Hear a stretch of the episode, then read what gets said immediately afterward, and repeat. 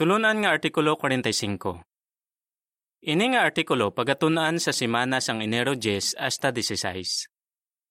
Padayon nga ipakita ang mainunungon nga gugma sa isa kag isa. Teksto nga ginbasihan sini nga artikulo. Magpakita sing mainunungon nga gugma kag kaluoy sa isa kag isa. Zacarias 7:9. Ambahanon 107. Si Jehovah ang huwaran sang gugma. Ang binagbinagon sa sini nga artikulo. Gusto ni Jehovah nga pakitaan naton sing mainunungon nga gugma ang aton mga kauturan sa kongregasyon. Binagbinago naton ang pila ka alagad sang Dios nga nagpakita sing mainunungon nga gugma.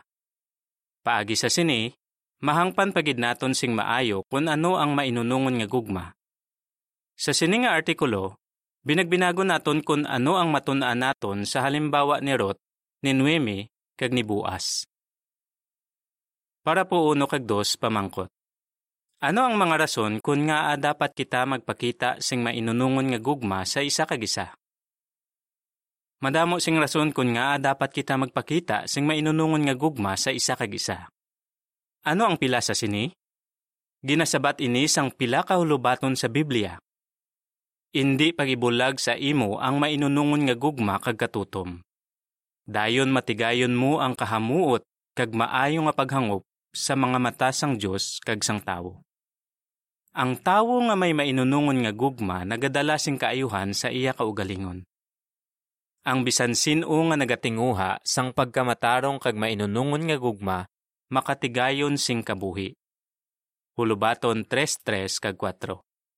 11.17 kag footnote kag 21.21.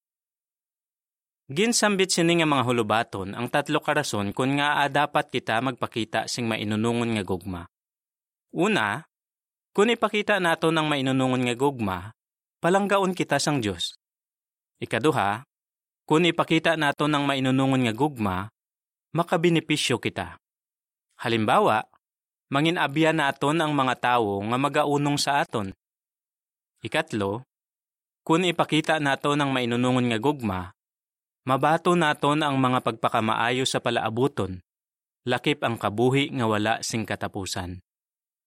Gani madamo gid sing rason para tumano naton ang ginsiling ni Jehova. Magpakita sing mainunungon nga gugma kag kaluoy sa isa kag isa.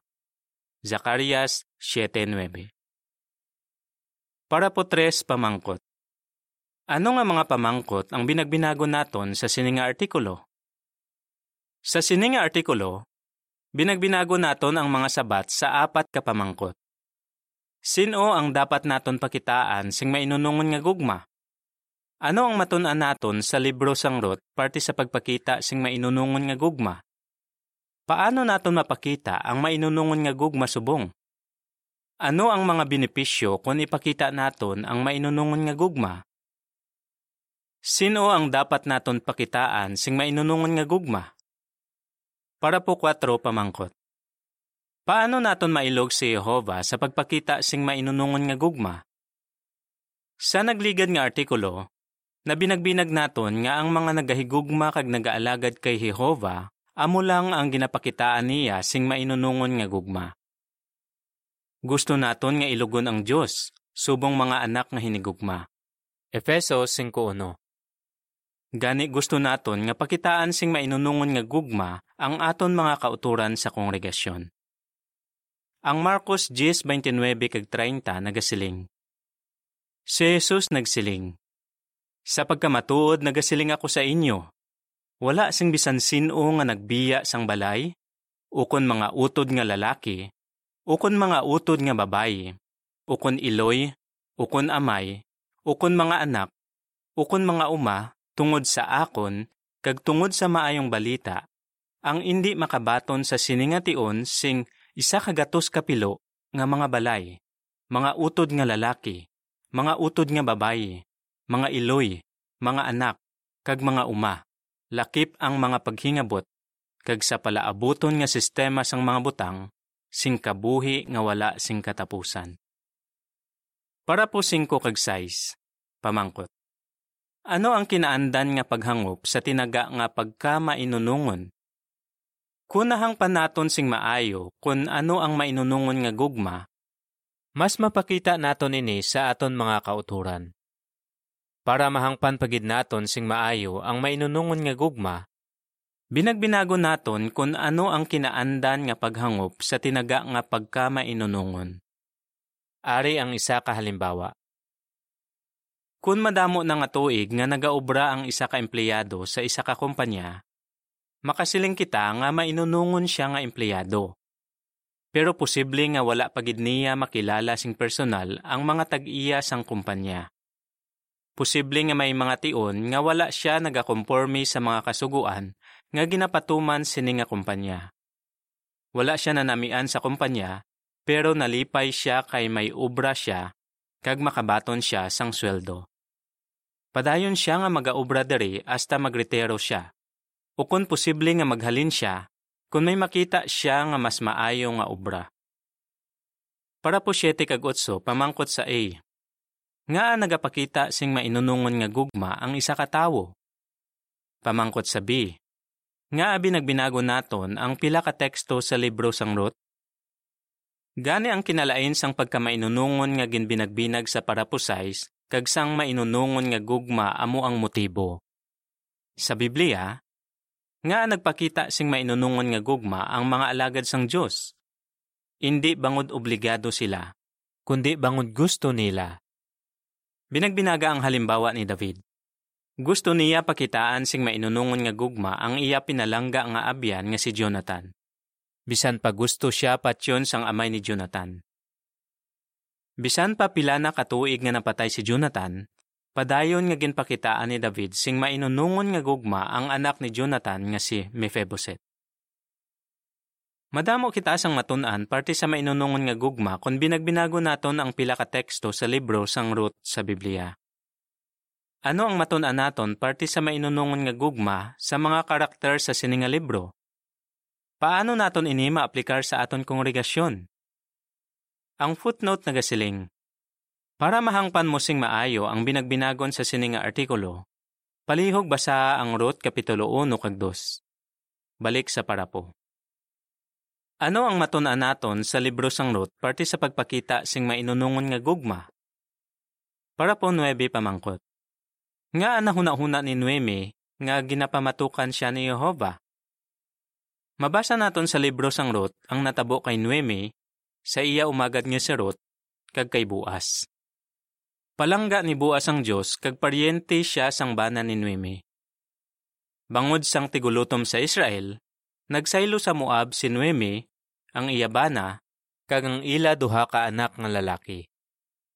Samtang didto sila sa Moab, napatay ang bana ni Nueme. Nakapangasawa ang duha niya ka anak, pero masubo gid kay napatay man sila.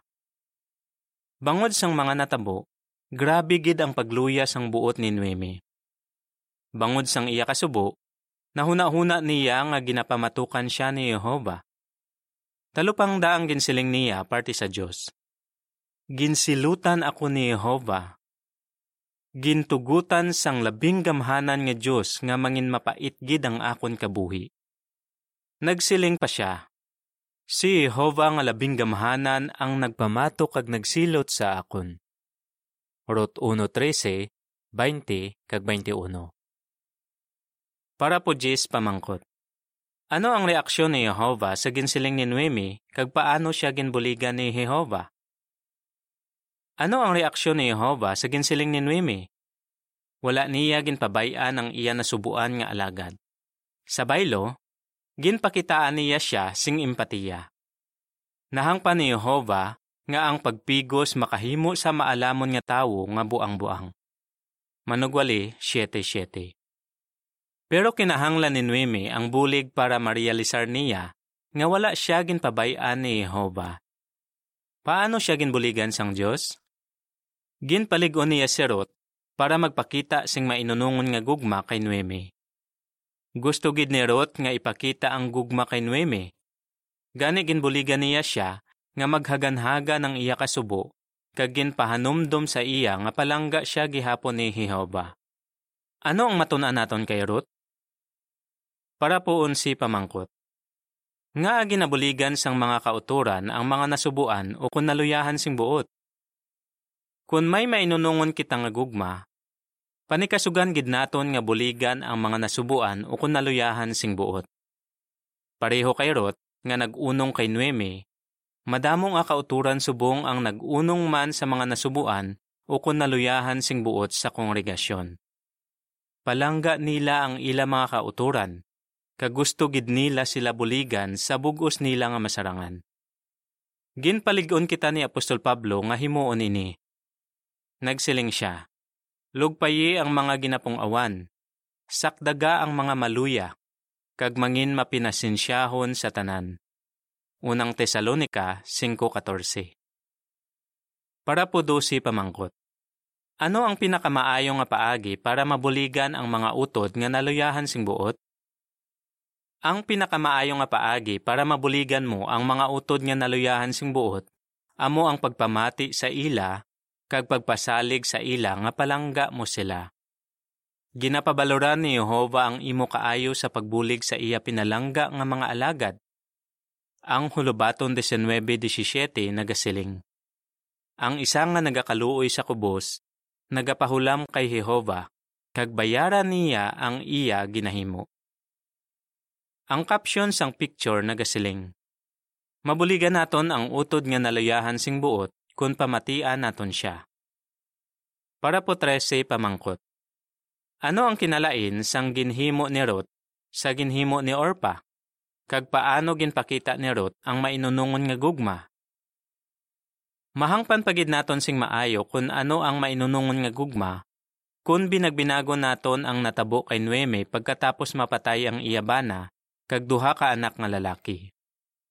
Sang nabalitaan ni Nueme nga ginpakamaayo liwat ni Jehova ang iya katawhan, kay ginhatagan niya sila sing pagkaon, nagdesisyon siya nga magbalik sa Israel.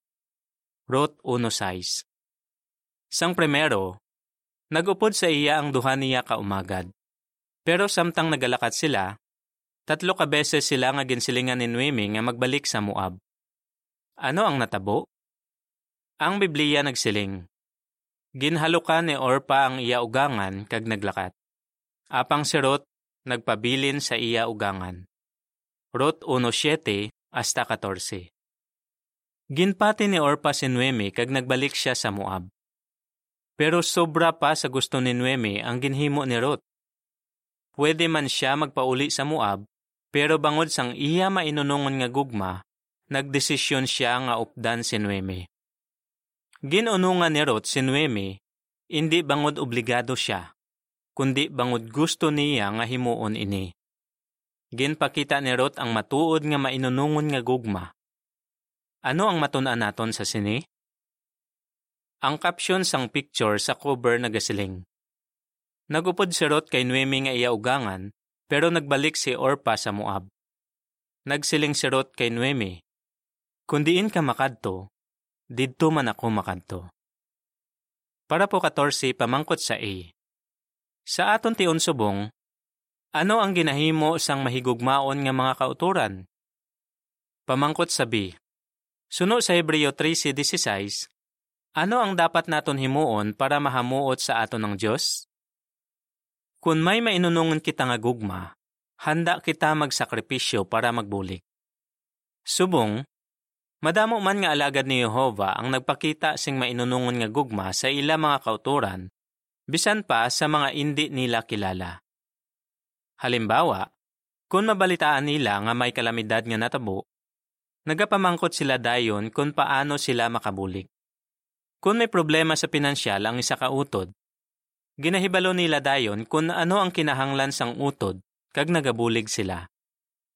Pareho sang mga taga Macedonia sang unang siglo, handa sila magsakripisyo para magbulig.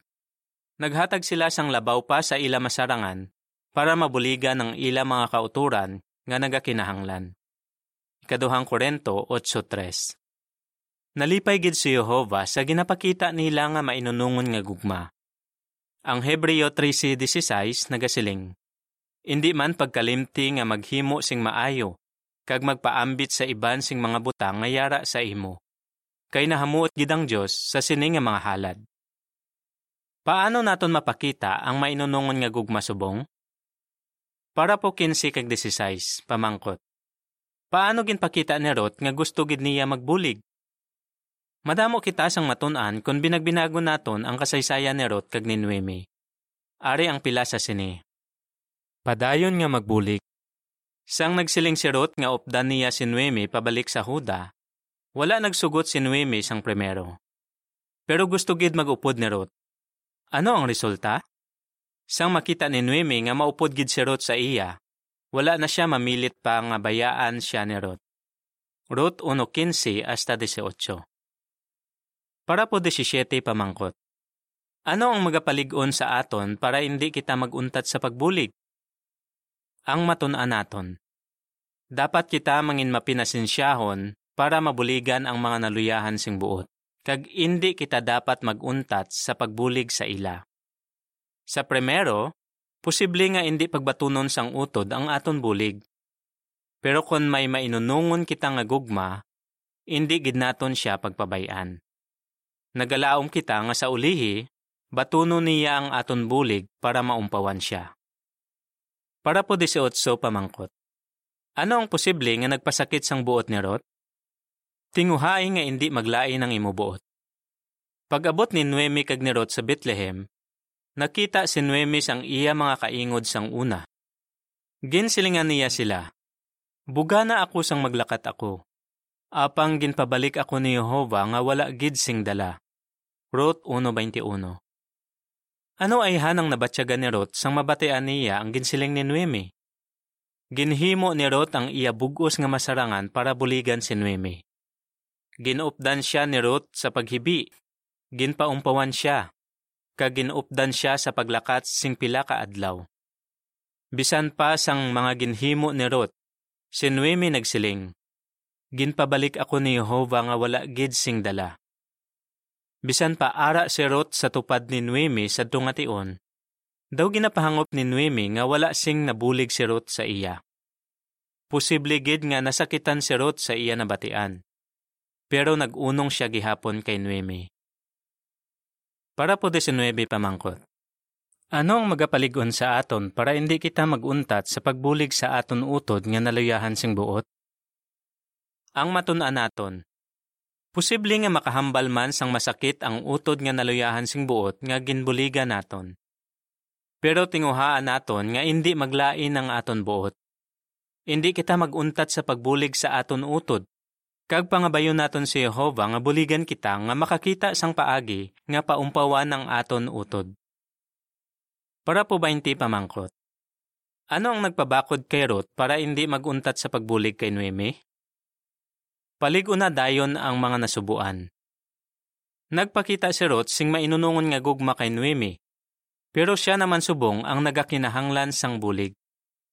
Gani gingamit ni Jehova si Buas para paligunon siya. Nagsiling si Buas kay Ruth.